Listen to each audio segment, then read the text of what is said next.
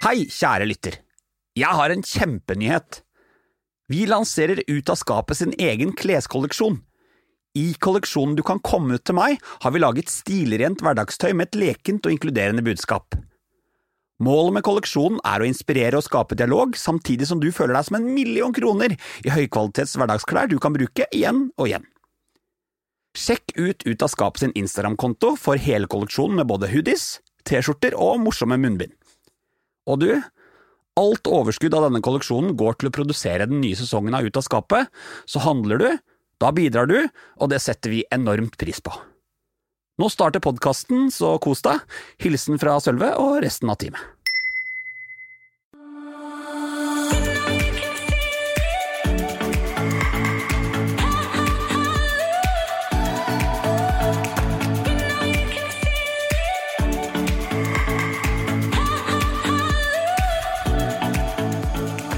Hei, du. I dag treffer du Julie Visnes i Ut av skapet. Jeg eh, møtte en jente når jeg var 16. Um, og vi var ganske åpne begge to om at vi likte hverandre, men at eh, vi ikke var skeive. Oh, ja. Um, så jeg var på en måte altså, både heldig og uheldig som møtte en annen jente som var like um, Altså lukka og inni skapet som meg, da. Mm. At uh, vi fant ut sammen at vi begge var biseksuelle, at vi likte bare sex med begge kjønn, men at vi var helt hetero. Julie er en av de mest hardtarbeidende kvinnene jeg kjenner. Hun kommer fra en prestasjonskultur og er vant til å gjøre det bra. Så traff Julie sitt livs kjærlighet, min venninne Camilla. Hvordan er det å bli stup forelsket i en straight? Og hvordan takler en som alltid får til ting, en så tøff kjærlighetsoppgave? Kos deg med denne episoden. Den er spennende, og den er fin.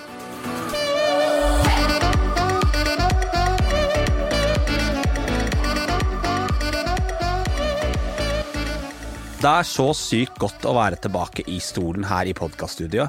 Og det som er nesten enda bedre, eller det er faktisk enda bedre, det er at jeg har med meg Julie i studio i dag. Og Julie, she's kind of my favorite woman. Hei, Julie! Hei, Sølve! Velkommen i podkasten Ut av skapet. Hvordan har du det? Jeg har det veldig bra. Jeg har eh, sovet godt i natt og er klar for en ny uke. Men vi heier jo litt på sånne morgenpersoner. Sånn samfunnet og sånn. Det er litt sånn oh yeah, get up at 6 am, do your shit. Men I will do my shit at 11 pm, og det er greit. Og så er det jo sånn at noen må jo holde samfunnet gående på kvelden nå. Ja. For der er du veldig oppe og Jeg tar på meg jobben. Fordi jeg har en tendens til å få eh, viktige meldinger fra deg rundt 11. Ja. Hvor, er, det, er, det liksom da du, er det da den kreative hjernen kicker inn? ja, det er vel egentlig det. Sånn etter seks at jeg på en måte kan legge meg ned og scrolle litt og finne litt inspirasjon. Og det er da jeg begynner med disse listene mine òg. Denne mandag skal jeg gjøre XYZ. Tirsdag XYZ. Ja. For du er jo en person som Du sender meg bilder. Nå kjenner vi hverandre ganske godt på et sånn eh, personlig plan nå, men det er bare sånn, du er jo en person som sender meg bilder av ukeslistene dine. som er da veldig De er laget med fargepenner på flott ark med tegninger og koder og alt. Du er ikke en sånn som bare bruker kalenderen. Nei, men jeg er en veldig visuell person. Ja. Og så trenger jeg å ha ting lett tilgjengelig. Sånn som du sa i går, da. At ja, men herregud, du kan jo bare skrive det inn i kalenderen din. Så er det sånn, men jeg må gå inn på denne kalenderappen på iPhonen min og finne fram til det, og det gidder jeg ikke. Så Nei. da må jeg henge det opp ved siden av senga, så vet jeg. Men, ja, men når du er ute og reiser, er du ikke redd for å glemme ting? Nei, jeg har sånn liten notatbok. Sakamais. Ja, Å, jøss. Jeg føler at det er litt sånn old lady in a young body. Men det er jeg jo. Ja. Altså, jeg spiser jo Opera Mints på lørdager. De lilla, hvite og Ja.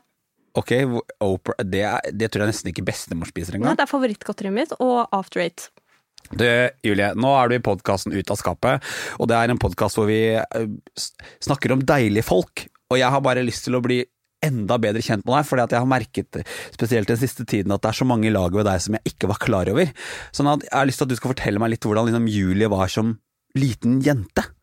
Ja, altså, jeg har alltid vært en veldig prestasjonsfokusert person. Um, så helt fra jeg var liten har jeg prøvd å på en måte gjøre det beste i alt. Em, og det har nok gått utover um, masse vennskapsforhold, uh, familieforhold og altså mennesker rundt i livet mitt generelt har blitt litt nedprioritert.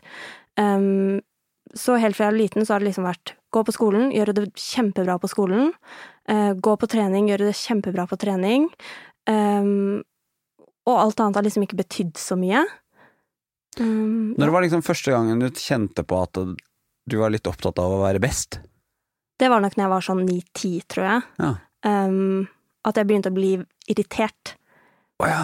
Sånn, hvis jeg ikke fikk til noe, så ble jeg irritert, og den irritasjonen førte da ikke til at jeg ga opp, eller at eh, jeg valgte noe annet, eller noen ting sånn der. Det førte alltid til at jeg jobba ræva av meg til jeg fikk det til.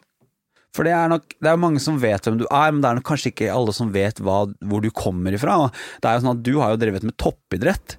Ja. Du har litt av liksom Altså Når vi nå holder på med litt sånn prestasjonsprat, så må du fortelle meg litt sånn hvilken idrett er det du har drevet med? Og det er jo også en idrett som kanskje ikke så mange egentlig kjenner til. ja. eh, Jeg har drevet med freestyle discojazz. Um, og for the public eye så virker det litt som en sånn herre glam-show. Litt sånn miks mellom RuPaul's Drag Race og sånn mini-pageants. Og så det ser ut som man har bare sminke på sminke på sminke på diamanter på diamanter, og det er bare sånn her man strutter nedover catwalken og bare yeah, her er jeg, se på meg, jeg er deilig. Men uh, egentlig så er det sykt høyintensiv dans uh, blanda med turn. Uh, og det er sykt mye jobb og trening og altså Man må jobbe hardt, da. For jeg, jeg tror det er veldig mange som ikke er klar over hvor ekstremt komplekst det er å være danser. For du må liksom være sterk, du må ha enorm utholdenhet, og du må være fleksibel. Det er jo litt unikt for akkurat den idretten. Det er jo mange idretter som man kan komme unna med det ene eller det andre, men her er det jo en sånn vanvittig Det er en sånn sånn komplett pakke som krever enormt mye trening. Og jeg vet at du i utgangspunktet egentlig ikke var et naturtalent i det du holdt på med. Nei, absolutt ikke. Altså, jeg husker For jeg starta, eller mamma sendte meg først på turn, eh, og da var det sånn alle jentene rundt meg sto på henda og slo hjul og alt sånt her, og jeg turte ikke engang å liksom sparke fra bakken fordi jeg var så redd. Og jeg var ikke noe myk, jeg var ikke noe sterk. Altså, jeg hadde litt rytme, eh, men det var ikke noe naturtalent i det hele tatt. Altså, det var eh, Når jeg gikk ut på min første konkurranse, altså, det var ræva. Ja. Men hvor gammel var du første gang du konkurrerte i freestyle? Uh, Da må jeg ha vært åtte. Ja, åtte. Ja. Akkurat åtte år, men er det sånn Har du kun drevet med freestyle liksom hele tiden, eller har du vært sånn testet alt? Nei, altså mamma var veldig på at jeg skulle teste alt, fordi mamma har drevet med langrenn. Ja. Em, så hun var sånn 'Å, yeah, langrennsjente, let's go'. Så jeg skulle gå på ski. Når ski ikke var noe for meg, så var det allidrett. Det var håndball, det var fotball, det var hele spekteret av idretter. Og det var jo ganske tydelig at det var dans det var, fordi vi var på sånn Nå kommer jeg til å si noe feil. Per, partille, persille Et eller annet sånt. Partillecup i Gøteborg. Ja, Håndball. ja, i håndball. eh, og jeg skulle være strek. Ja. Og jeg sto bare der og liksom slo, slo hjul. og ja, fikk mye kjeft, så alle innså nok til slutt at det var dans, da. Det der å være et treningstalent, det krever jo litt ekstra opp i toppklokke, fordi at da må man klare å stå i og kanskje ikke være best når man er yngst. Det er jo, eh, Man snakker jo ofte om to typer talenter, uten at det er skrevet i stedet at det er sånn. Så har man de som er naturtalenter i noe, fordi at jeans ofte skjedde, og så passer man inn i det. Og så har man de som har en sånn syke og vilje til å bli veldig gode i noen ting. Hvordan er det på en måte å være 10-11-12 år og holde på med en idrett som du har lyst til å være best i, men ikke kjenne på at du er det? Hva er det som liksom vekk, hva vekk, hva var det som vekka liksom ga, galskapen i deg til å ville kline til? For vi skal komme tilbake til at du har gjort mer for idretten din enn veldig mange andre har gjort. Ja, um, jeg har alltid vært en veldig sånn visuell person, sånn i alt. Så det å ha rollemodeller, å være på et studio med rollemodeller, har gjort utrolig mye for meg, og på en måte folk å se opp til, som er gode, og som er best, og på en måte strekke meg etter dem. Um, I tillegg så fant jeg ut skikkelig tidlig at jeg bare ville være der hvor man kunne bli best. Um, så det endte med at når jeg var ni, så begynte mamma å pendle meg inn til Lillestrøm. Oh, ja. uh, og når jeg var ti, så begynte jeg å ta toget inn til Lillestrøm alene. Og du bodde da i I Drammen. Så du pendla Drammen-Lillestrøm Ja. For å holde på med idrett? Hvor Ja. ofte pendla du inn da? Hver dag. Å ja. Og ikke, du gikk jo på skole, eller? Ja, det var eh, rett etter skolen. Altså, altså jeg sto opp klokka seks. Um, tøyde og sånn før skolen. Var på skolen, eh, gjorde alle leksene mine på toget, øvde til alle prøver på toget. eh, var på trening til ni, og så var jeg hjemme igjen elleve. Og det sosiale livet ditt, det var da på dansen, eller? eller, eller? Ja, altså Det blir jo litt sånn som det jeg sa i stad, at jeg har ikke hatt noe sånn spesielt fokus på det sosiale ever. Altså, jeg har hatt fokus på å bli best, og fokus på å gjøre det som skal til for å bli best, og jeg har aldri satt av den tiden um, til å være sosial, da.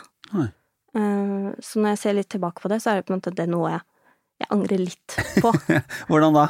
Nei, altså, man vil jo på en måte Man utvikler seg jo så mye når man har venner rundt seg og mennesker rundt seg, og tør å skape de relasjonene som man trenger da, for å føle seg trygg og sett, og at man hører til litt, og den følelsen mangler jeg nok lenge, fordi jeg hadde altfor mye fokus på prestasjon, da.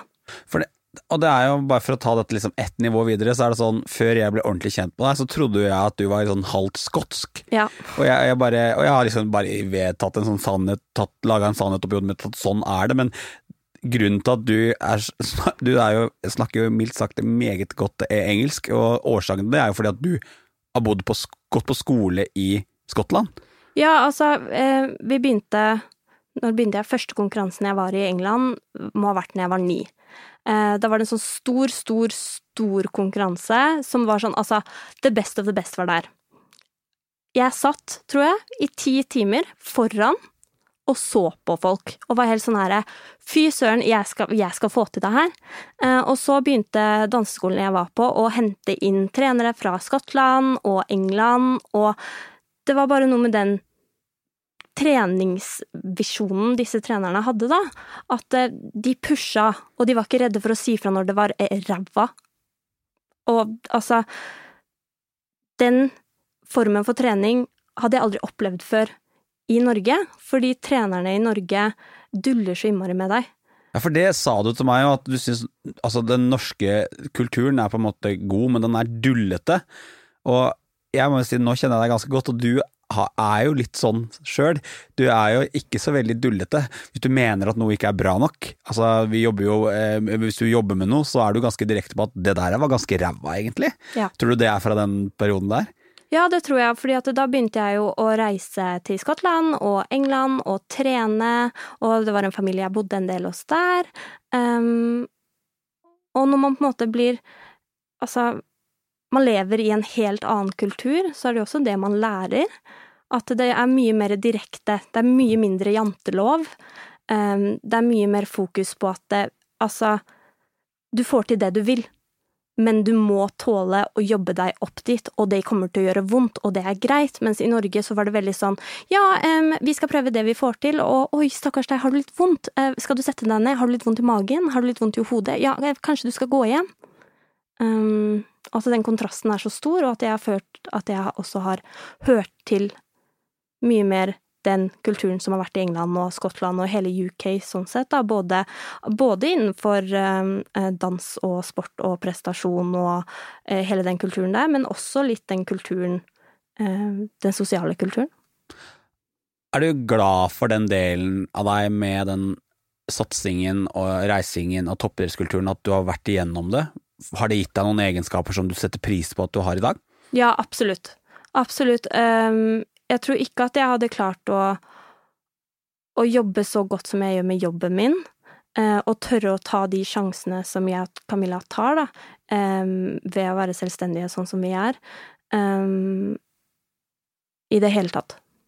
Når du er såpass opptatt av å være eh, veldig god på det du gjør, merker du at det kan gå utover ting som har med eksempel sosiale relasjoner å gjøre? Ja, absolutt. Masse. Uh, og det har jeg også slitt masse med. Og jeg har aldri knytta til meg noen skikkelig, skikkelig gode venner i oppveksten. Uh, jeg har hatt et par som jeg har følt har vært veldig gode venner, men sånn som når jeg ser tilbake på nå, så var det bare overfladisk, det også. Ja. Uh, så hele fokuset mitt har ligget på prestasjon, og å prestere alltid. Um, og ikke da på relasjoner, sånn som det. Altså, det burde jo vært en balansegang der. Nå er det jo sånn, og det er det ikke sikkert alle som vet, men du er jo kjæresten til Camilla. Vi kan si Camilla, for vi vet hvem Camilla er, men Camilla Lorentzen, uh, the one super influencer queen, som hun helst ville bli omtalt som selv, i hvert fall, og som vi prøver ikke å si for ofte, for da blir hun jo litt, litt gal. Litt. Litt gal. Uh, og du fortalte meg at Camilla har hjulpet deg ganske mye å klare å senke skuldrene rundt dette og alltid måtte være best.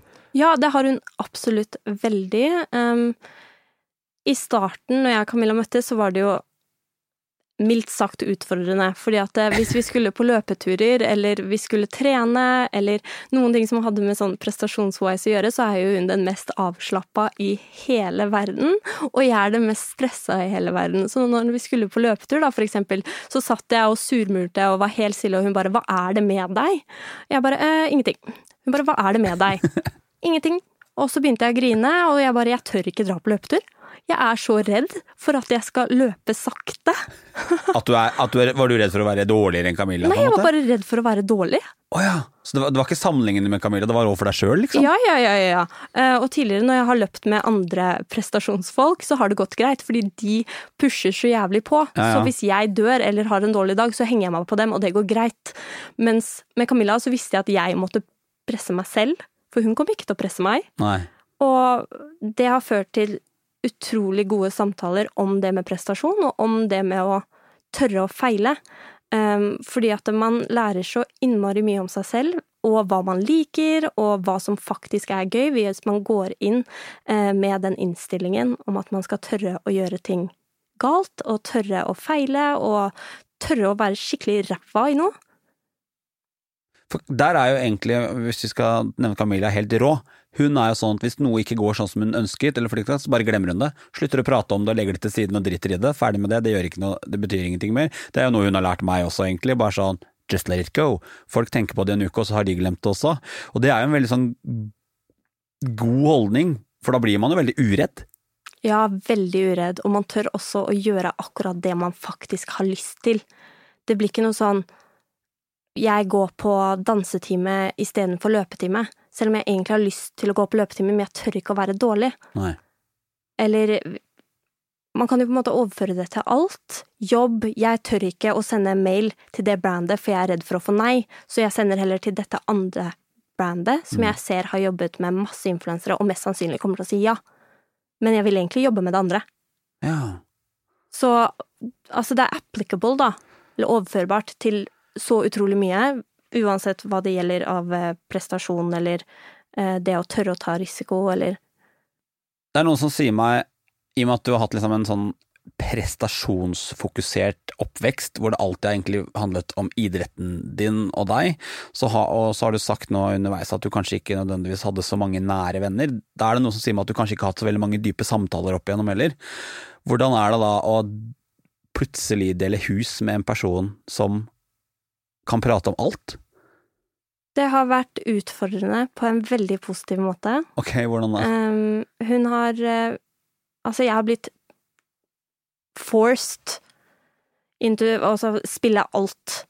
Altså, hun ser på ansiktet mitt hvis det er noe, og hun slutter ikke å spørre før jeg sier hva det er. Og det har ført til masse krangler, fordi jeg nekter jo å snakke. Um, men det har også ført til ekstremt mange gode samtaler, og masse, masse growth. Um, så jeg er veldig takknemlig for det. Syns du det er Det gjør jo vondt for sånne som ikke er så glad å, i å snakke om ting, og blir tvunget til å snakke om ting. Det gjør jo egentlig Det er jo noe av det verste Det er fall sånn det, er veldig smertefullt. Hvis du nå hører på den podkasten her er en veldig sånn åpen, raus sjel som har eh, veldig lave skuldre rundt å dele, så eh, just keep up that shit. Ja. For det, eh, når man er stikk motsatt, som vi sitter i hvert fall to stykker i studio nå som ikke snakker så mye om ting, så eh, it hurts. ja. Hva har liksom gjort for deg å plutselig kunne liksom lette på hjertet ditt? Altså, jeg er veldig mye mindre stressa. Ja. Um, før så var jeg veldig sånn at jeg måtte gjøre ting hele tiden. Jeg klarte ikke kjede meg, jeg klarte ikke sette meg ned med mine egne tanker og tenke igjennom hva de faktisk var. Jeg måtte, altså, jeg kunne ikke sitte og se på Netflix engang. Da måtte jeg ha mobilen samtidig. Eller dra på løpetur, eller være på trening, eller være med mennesker, eller være ute på byen, eller altså swipe på Tinder, eller Jeg måtte alltid ha noen form for stimuli som liksom kunne være fokus, da, sånn at jeg slapp å sitte og tenke tankene mine Ja. alene. Um, så jeg var nok veldig stressa og veldig rastløs. Uh, og nå føler jeg at jeg er mye mer avslappa. Ja. Um, jeg klarer å stå i meg selv mye bedre. Og være åpen, da, både mot andre, men også mye mer mot meg selv. Åssen er humøret? Og mye bedre. Det er det det? Ja. Har du, men man, har du noen gang tenkt at du kan ha Har du noen gang tenkt at du går rundt og kan virke litt sint og irritert, eller har du bare ikke lagt merke til det sjøl for det er sånn du har vært? Nei, altså, jeg har jo resting bitch-face herfra til helvete, og det har jeg jo fortsatt. Uansett om jeg er mindre stressa nå, så har jeg fortsatt det eh, fjeset, og alle tror jo at jeg er en kjerring. Uten å tulle. Altså, jeg trodde det Jeg trodde det et halvt år, jeg traff deg, tenkte jeg bare She's the devil. Men she's the cutest. Ja. Ja, nei, det er sånn jeg, bare, Nei, jeg, jeg er veldig glad for at du sier det, for det gjør jo noe med å lette på hjertet. Og det er jo ikke alltid at man trenger å gå Man trenger ikke profesjonell hjelp alltid for å lette på hjertet. Noen ganger så holder det bare at man treffer noen som liksom, hva skal man si, åpner eh, Åpner opp. Ja. Du nevner Tinder og dating og litt sånne ting, og det har jeg lyst til å komme tilbake til, men før vi kommer dit, så må du liksom fortelle meg når det var første gangen du tenkte at du kanskje var skeiv. Og jeg bruker det skeiv-uttrykket fordi at ofte så kommer det litt sånn tidlig, som det er kalt at man kan sette liksom en finger på akkurat hva det er. Nei, altså, jeg har jo egentlig hele livet hatt en fascinasjon for jenter og damer, men jeg tror første gang jeg hadde tenkt at jeg var litt annerledes, var i niende klasse. Um, fordi vi skulle bytte lærer i tiende klasse, og denne læreren som jeg hadde hatt i niende klasse, var så det vakreste vesenet på jord. Og jeg syns hun var så flott, og snakka så fint, og hjalp meg så mye, og alt var liksom fantastisk med denne personen. Så jeg husker i slutten eh, i overgangen til tiende, eh, så typa jeg ut en sånn lang melding på Messenger som var sånn 'Å, herregud, tusen takk for fantastiske læring', og 'du er så flott og fin'. Og, og sendte du den meldinga? Nei, det turte jeg ikke. Nei, du turte det ikke, men hadde du da noen tanke om at dette var et lite crush, eller var det mer sånn at du bare tenkte dette mennesket har hjulpet meg, eller var du litt sånn teacher's pet? Jo, altså, jeg var jo teacher's pet. Jeg kan nesten se for meg. Ja, altså, det har alltid vært, fordi at jeg bryr meg jo bare om eh, orden og oppførsel og karakterer og å være best, sånn, så jeg gjorde det jo Aisa alle prøver, og det var eh, Det var alltid kjempebra. Jeg fikk masse oppmerksomhet, men eh, jeg tror nok jeg tenkte at det var litt rart at jeg følte det sånn, fordi at jeg hadde ikke kjent noen ting på noen på en måte positive kjærlighetsfølelser til noen gutter i klassen eller jenter i klassen eller noen ting sånn der. Det var bare denne læreren, da. Var det liksom første gangen du kan sette tilbake på at dette kanskje var en liten forelskelse, liksom? Ja, det tror jeg. I hvert fall et crush. Og hun visste jo ikke om det, men har du på noe tidspunkt, eller var det noen gang i en liksom ungdomsåra dine du var åpen til en jente om at du likte henne? Uh, ja, jeg uh, møtte en jente når jeg var 16. Um, og vi var ganske åpne begge to om at vi likte hverandre, men at uh, vi ikke var skeive. Ah, ja. Ehm, så jeg var på en måte altså, både heldig og uheldig som møtte en annen jente som var like um, Altså lukka og inne i skapet som meg, da. Mm. At uh, vi fant ut sammen at vi begge var biseksuelle, at vi likte bare sex med begge kjønn, men at vi var helt hetero. Dere var helt Bortsett helt hetero. Men var det sånn at du tenker, hvis du nå i ettertid, at det var litt mer enn bare sex med hun? Ja, absolutt. Og tror Det- du det var gjensidig òg? Ja. ja. Hvorfor tror du det er sånn Fordi når jeg ble kjent med deg, så bonda vi over eh, gutteprat på Tinder. Og vi bonda over alt som hadde med sex og tull og ligging og fjasing og sånne morsomme ting, sånne morsomme vennefjasefesting om gutter. Så jeg hadde jo ingen anelse om at du var skeiv. Du sa det til meg sånn en anledning, bare sånn jo, jeg har prøvd litt jenter og sånn, men da var jeg litt sånn ja ja, det sier jo de jentene alltid. Når jeg kommer der som homo, skal de alltid fortelle at de har prøvd CM66.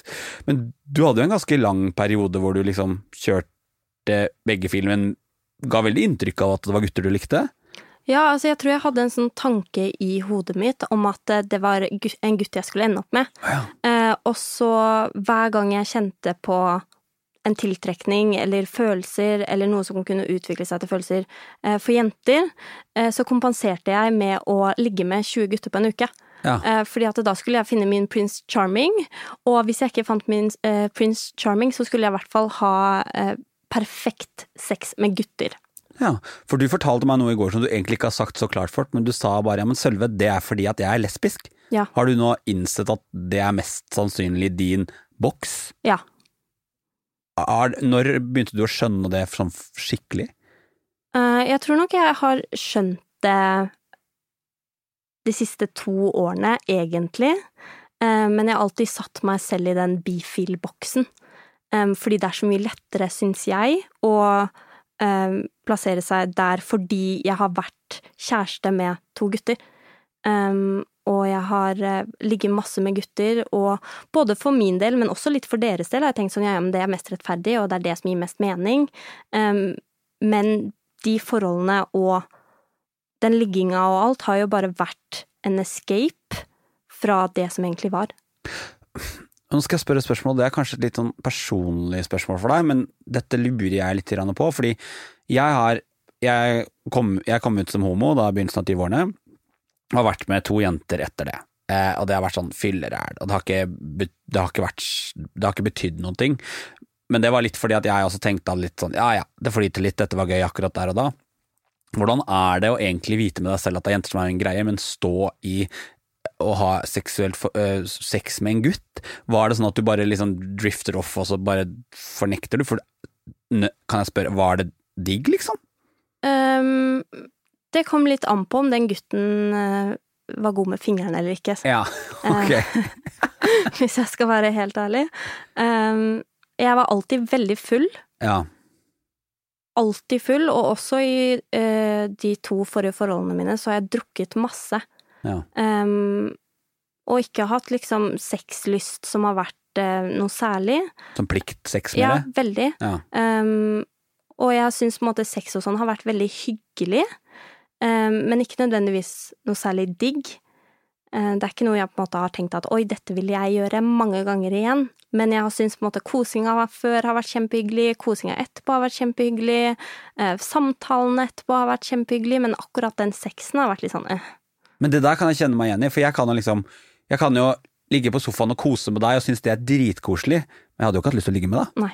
Så det er liksom jeg tror bare den opplevelsen av For meg da, så skiller jo den opplevelsen av nærhet. Jeg kan godt ligge med en venninne og kose og ha det kjempefint og se på film og chille, men, eh, og, og, få egentlig den samme følelsen som om det hadde vært med en fyr.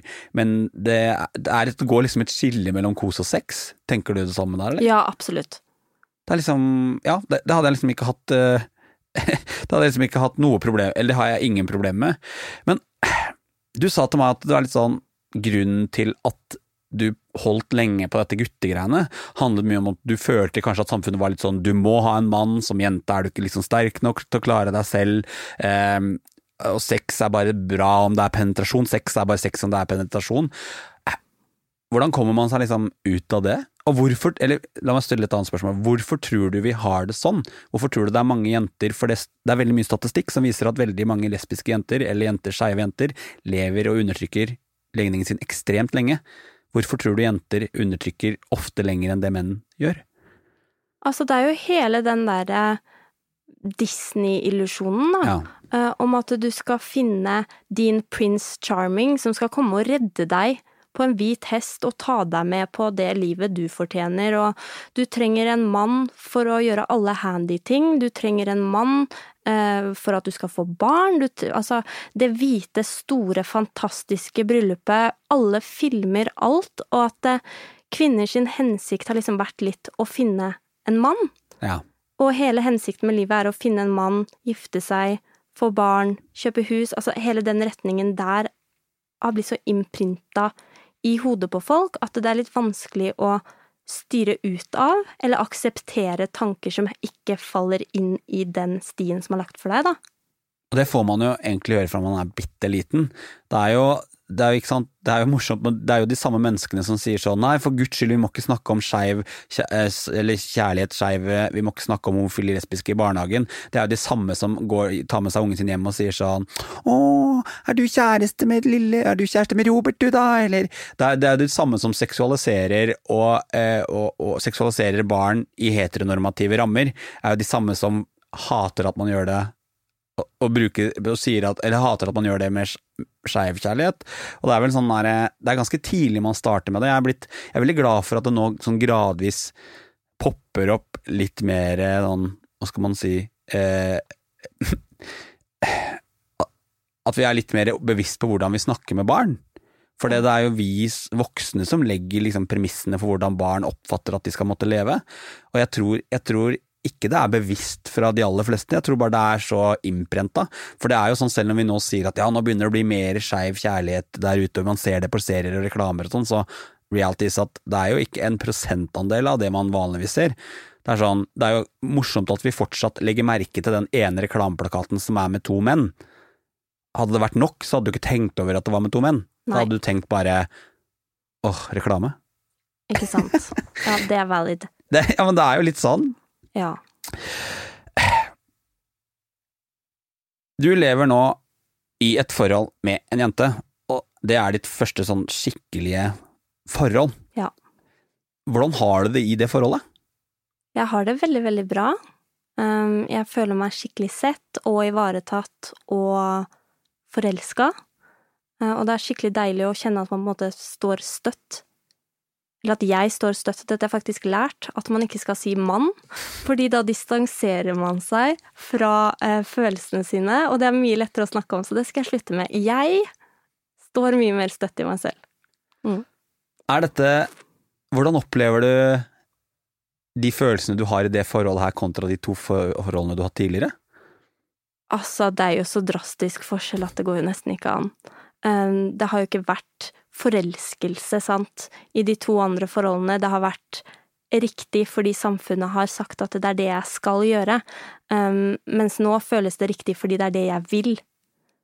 Um, og det er på en måte Altså, det er, det er helt fantastisk. Hvordan er, eh, hvordan, hvordan er hjertet ditt når du ser Camilla? Ja, det kommer litt an på om hun har en god eller dårlig dag. ja. Men eh, generelt sett så er eh, hjertet mitt eh, ti av ti, og magen min er full av sommerfugler, og det er kjempehyggelig.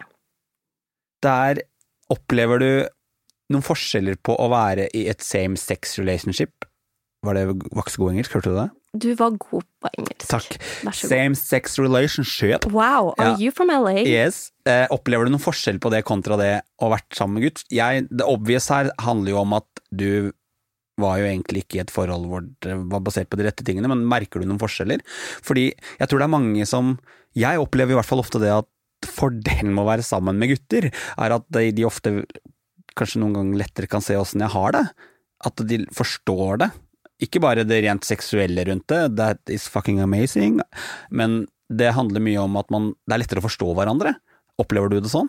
Ja, altså, jeg har vært sammen med to veldig feminine gutter, Oh, ja, ehm, som er veldig in touch med følelsene sine. så digg. Eh, Så det har vært uh, veldig bra for meg, og veldig dårlig for dem at jeg ikke har vært in touch med mine i det hele tatt. Men uh, sånn, altså praktisk sett så er jo forhold forhold. Um, så jeg føler faktisk ikke at det er noe sånn massiv forskjell på det praktiske, som man bor sammen, man lever sammen, man har det bra sammen, men det følelsesmessige for meg er jo bare totalforvandla. Både fordi at jeg føler meg så trygg på Camilla, og at jeg føler at jeg kan være meg selv, og at jeg kan stå støtt i den jeg er, Um, men også det at eh, hun Bare det at hun ser meg, er liksom så sykt stor forskjell. Men jeg vet ikke om det er fordi at hun er jente, eller Fordi hun er Camilla. Ja, Hva tror du du har gjort for Camilla? oi, det var litt vanskelig spørsmål. Hva har jeg gjort for Camilla? Ehm, jeg tror nok jeg har hjulpet Camilla å innse sin egen verdi litt mer. Um, bare hvis man tar jobb som et eksempel, da, eh, så solgte hun reklameplasser på Instagrammen sin til en fjortendedel Ja. av det hun har vært. Um, og altså Så er det noe med det som Som jeg noen ganger Jeg, jeg henger jo mye med dere, som jeg Det er viktig å huske at du var jo den første Du var den som fikk Camilla til å forstå at hun er skeiv. Ja, Og det er jo kanskje den største jobba hardt. Du jobba hardt for det, men samtidig, samtidig så hadde det ikke gått hvis hun ikke var skeiv. Og jeg bare jeg skrev en kommentar på denne Instagram-bildet hennes her som er sånn Jeg likte Camilla versjon 1.0 ganske godt, men jeg liker Camilla versjon 2.0 enda bedre.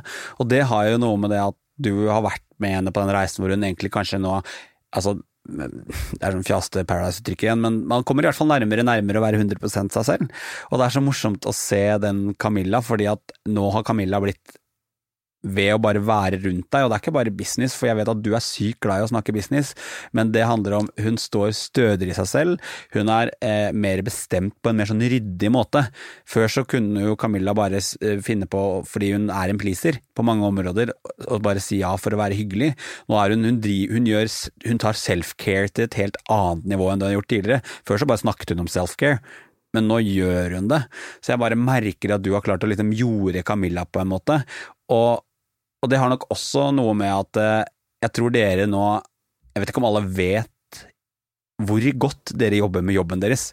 Jeg tror ikke alle, alle Det er sikkert mange som tenker trenger man to personer for å drifte en Ja. sosial mediekanal? Ja, du gjør det.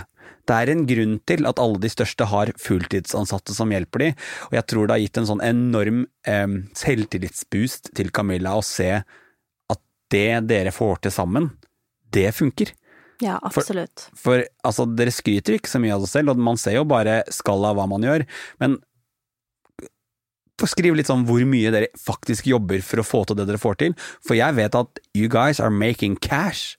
Ja. Det snakker vi jo ikke om, vi kommer ikke til å nevne noen summer, but you are, og det er jo et resultat av at dere jobber ekstremt planlagt. Ja, og så tror jeg også vi jobber så utrolig godt sammen i team.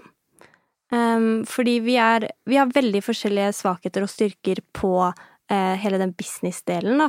Um, så det er bare den derre teamwork-greia som fungerer så innmari bra. Og så tror jeg også Altså, det er mange som på en måte tenker å herregud, jobber dere sammen, bor dere sammen, er dere kjærester, alt på en gang? Men det er også noe med det når man jobber selvstendig på den måten og faktisk ha noen som kjenner deg. Sånn hvis du har en dårlig dag, så vet Camilla da at hvis jeg snapper til henne og sier at hun har ræva når jeg tar bilder av henne, så er det derfor.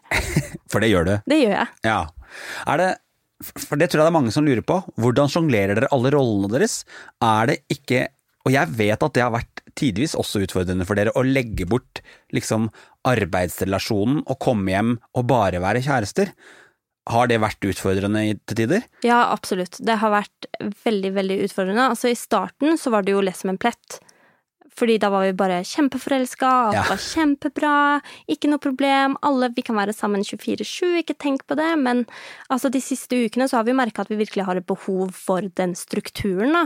Um, så det er også litt av den grunnen til at jeg har eh, hengt opp denne fine planleggingsgreia på veggen på soverommet, at eh, vi har på en måte planlagt jobbtidspunkter, sånn at da vet vi at da skal vi ikke være kjærester. Da skal vi være kollegaer og team og gjøre litt forskjellige ting. Sånn som jeg skal på et møte med deg, og Camilla skal fakturere og gjøre regnskap på samme tidspunkt. Så vi er på forskjellige sider, tider. Og så, når vi kommer hjem, så skal vi være kjærester. For, for det er jo litt digg å kunne legge bort den telefonen eller den PC-en eller den Mac-en eller hva pokker det er, og bare være til stede. Og bare ligge der og være inntil hverandre uten å nødvendigvis måtte snakke om noe. Mm. For det, ja, det er jo sykt vanskelig å ikke ta opp den telefonen hvis det lyser på den. Ja, gud, det er jo kjempevanskelig. Og den derre iPhone-kulturen, holdt jeg på å si. Altså Instagram-kultur, Snapchat-kultur, TikTok. Det er jo så mange apper nå. Det er jo tidstyver som faen. er det, har dere hatt noen tørner hvor dere har Det har vært dårlig stemning fordi dere ikke har klart å organisere dette? Ja. Har dere da, Hvordan har dere løst det? For jeg tror det er mange som, og det trenger jo ikke bare være fordi man jobber sammen, men jeg tror det er veldig mange som i et forhold sliter med å sette av tid til forholdet. Altså, I'm single second year in a row, og jeg vet akkurat hvorfor. Det er sånn, det siste året vi var sammen, så satte vi ikke av noe tid til oss.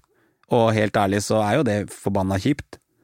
Ja, altså Det som er veldig positivt med meg og Camilla, er at det, vi har aldri noen kommunikasjonsproblemer. Nei. Det vi har, er litt sånn problemer med å starte samtaler.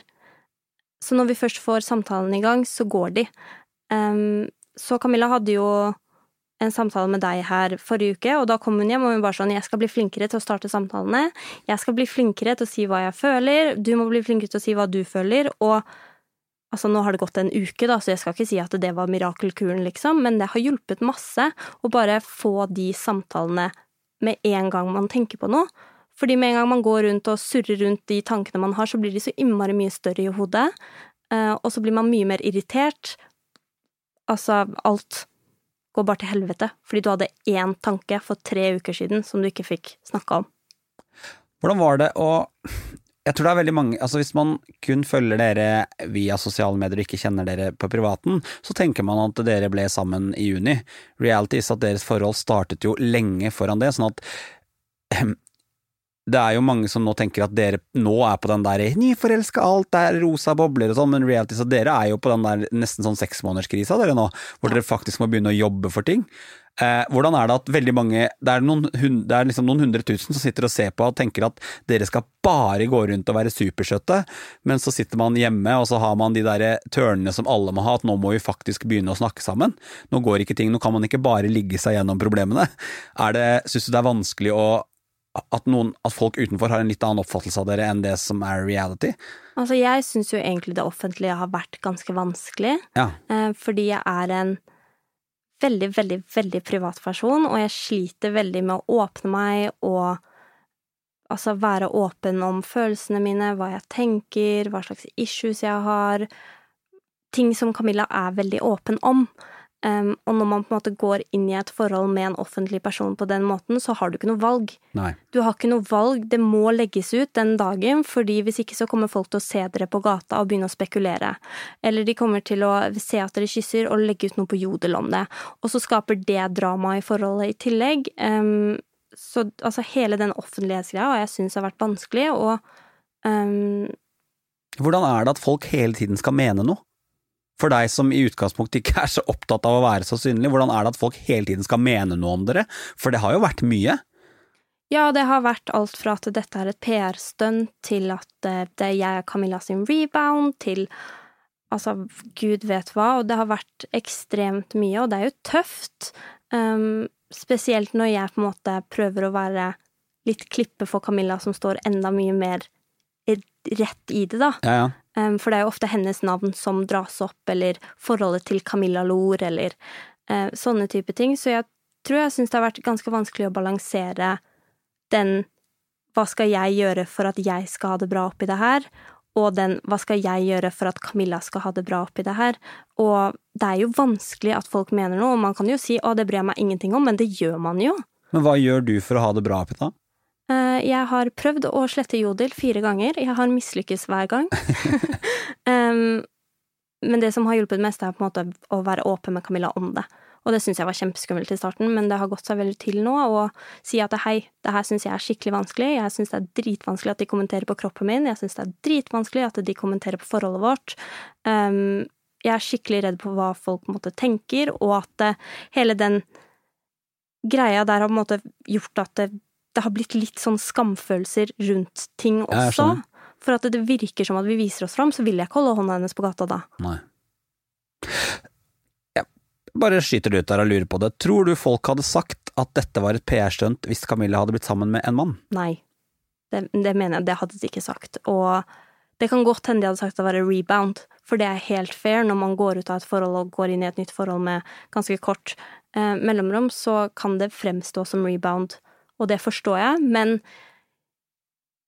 det er vel noen ved at Camilla har aldri eh, fremsatt seg selv som noe annet enn heterofil, og hun har også hatt spørsmålsrunder på Instagram Story hvor det har vært sånn Kunne du tenke deg å være sammen med en jente? Ikke faen! Nei. Sant? Um, I tillegg til all den derre homofobkulturen og alt da, Ja, ja. som vi har, men som vi kanskje ikke alltid tenker over at det er til stede. Nei, nei, fordi at vi som er liksom ha, Altså enten du er hetero, har en fot i det skeive miljøet som heiagjeng, eller at du er i det skeive miljøet, så tror jeg det er lett noen ganger, fordi at vi omgås så mye mennesker som er positive, og vi unngår de menneskene som ikke er det, så tenker vi ofte, glemmer vi litt hva som finnes på utsiden. Men jeg møter jo i stor eller liten grad homofobi hver eneste uke, som den personen jeg er, og jeg har jo eh, Jeg måtte jo, når dere ble sammen, slutte Jeg, slettet, jeg måtte ha vekk med jodelen, jeg måtte slutte å lese kommentarfelt fordi det bare røska i hjertet mitt. For folk skrev så stygge ting.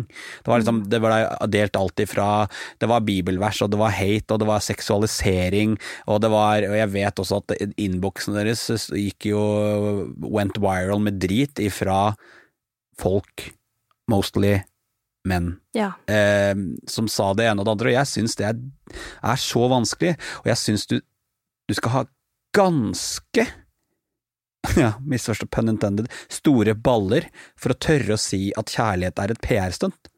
Ja, fy søren. Og jeg tror ikke du skjønner hvor sårende det er for de. Det er sånn vi, Det fins mange, og det gjør vi jo veldig ofte med offentlige personer. Når de har fått seg en ny Og jeg har vært en del av det, jeg har tenkt sånn En eller annen superkjendis som får nye kjærester hele tiden, tenker jeg ah, nok en runde, nok en runde. Men det er jo sånn at vi kan oppleve mange kjærligheter, og det er jo dritbra at noen går ut av et forhold hvis de opplever at det ikke er det rette forholdet. Og I tillegg så er det viktig å huske at det forholdet Camilla var i tidligere, det var slutt lenge før folk fikk det med seg. Sånn er det jo hvis man er i et forhold og det går dårlig, så vet alle det at selv om man kanskje sier det den daten at nå er det slutt, så var det jo slutt et år før, rent psykisk. Så man har jo begynt den prosessen med å komme over lenge før offentligheten opptar det. Ja. Så selv om offentligheten tenker at å ja, det er jo akkurat blitt singel, så er man jo ikke det. Ja, og så tror jeg også det er litt med at offentligheten har liksom en sånn idé av at de har krav på å vite absolutt alt, og når du har den ideen i hodet ditt om at ja, jeg skal vite absolutt alt, jeg har rett til å vite absolutt alt, så tror du også at du vet alt.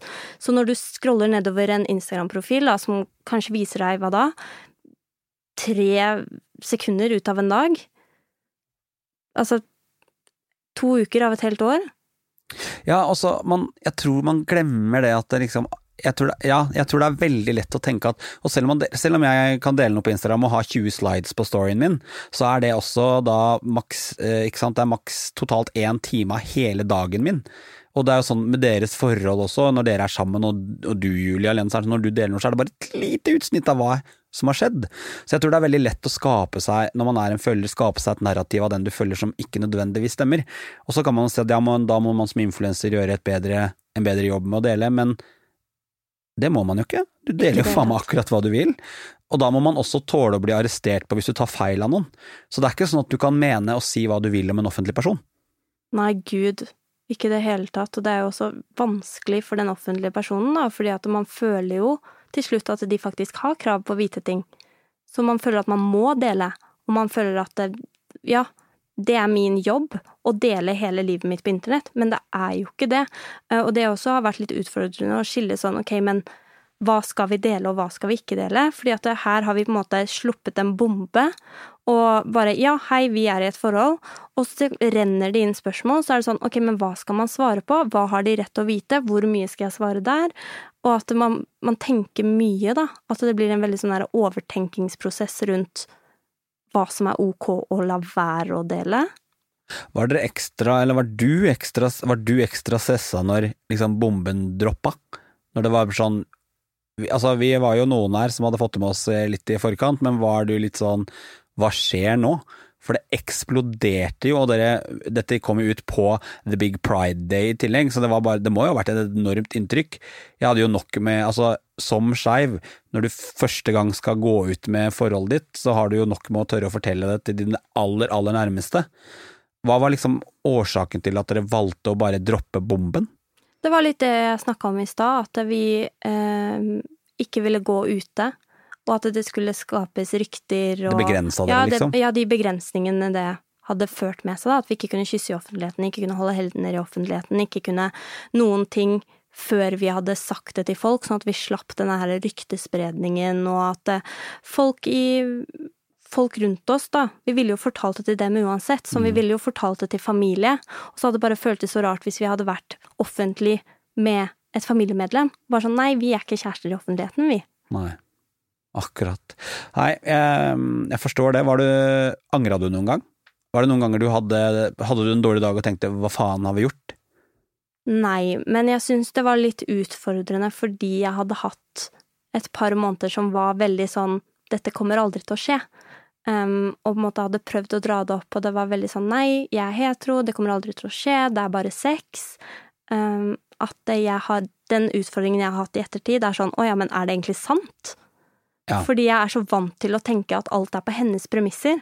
At det, når vi skal ligge her på hennes premisser, når vi skal kysse, om vi skal holde hender, alt er på hennes premisser fordi at hun er egentlig hetero. Ja. Men hun er jo ikke det.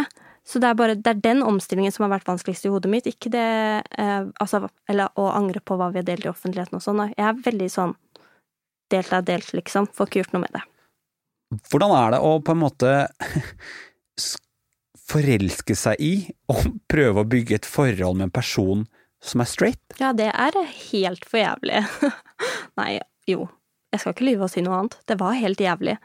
Um, jeg starta jo å føle på ting ganske kjapt, så det har jo vært en sånn herre inner battle, da, som har vært vanskelig og tøff, og jeg har på en måte prøvd å ta det opp et par ganger, men har blitt blankt avvist, samtidig som alle handlingene hennes har vist at Hun er glad i deg? hun er glad i meg, og at Mm. hun vil eh, være med meg og er forelska i meg og alle de tingene der, så jeg tror det har vært en av de mest utfordrende periodene i livet mitt til nå.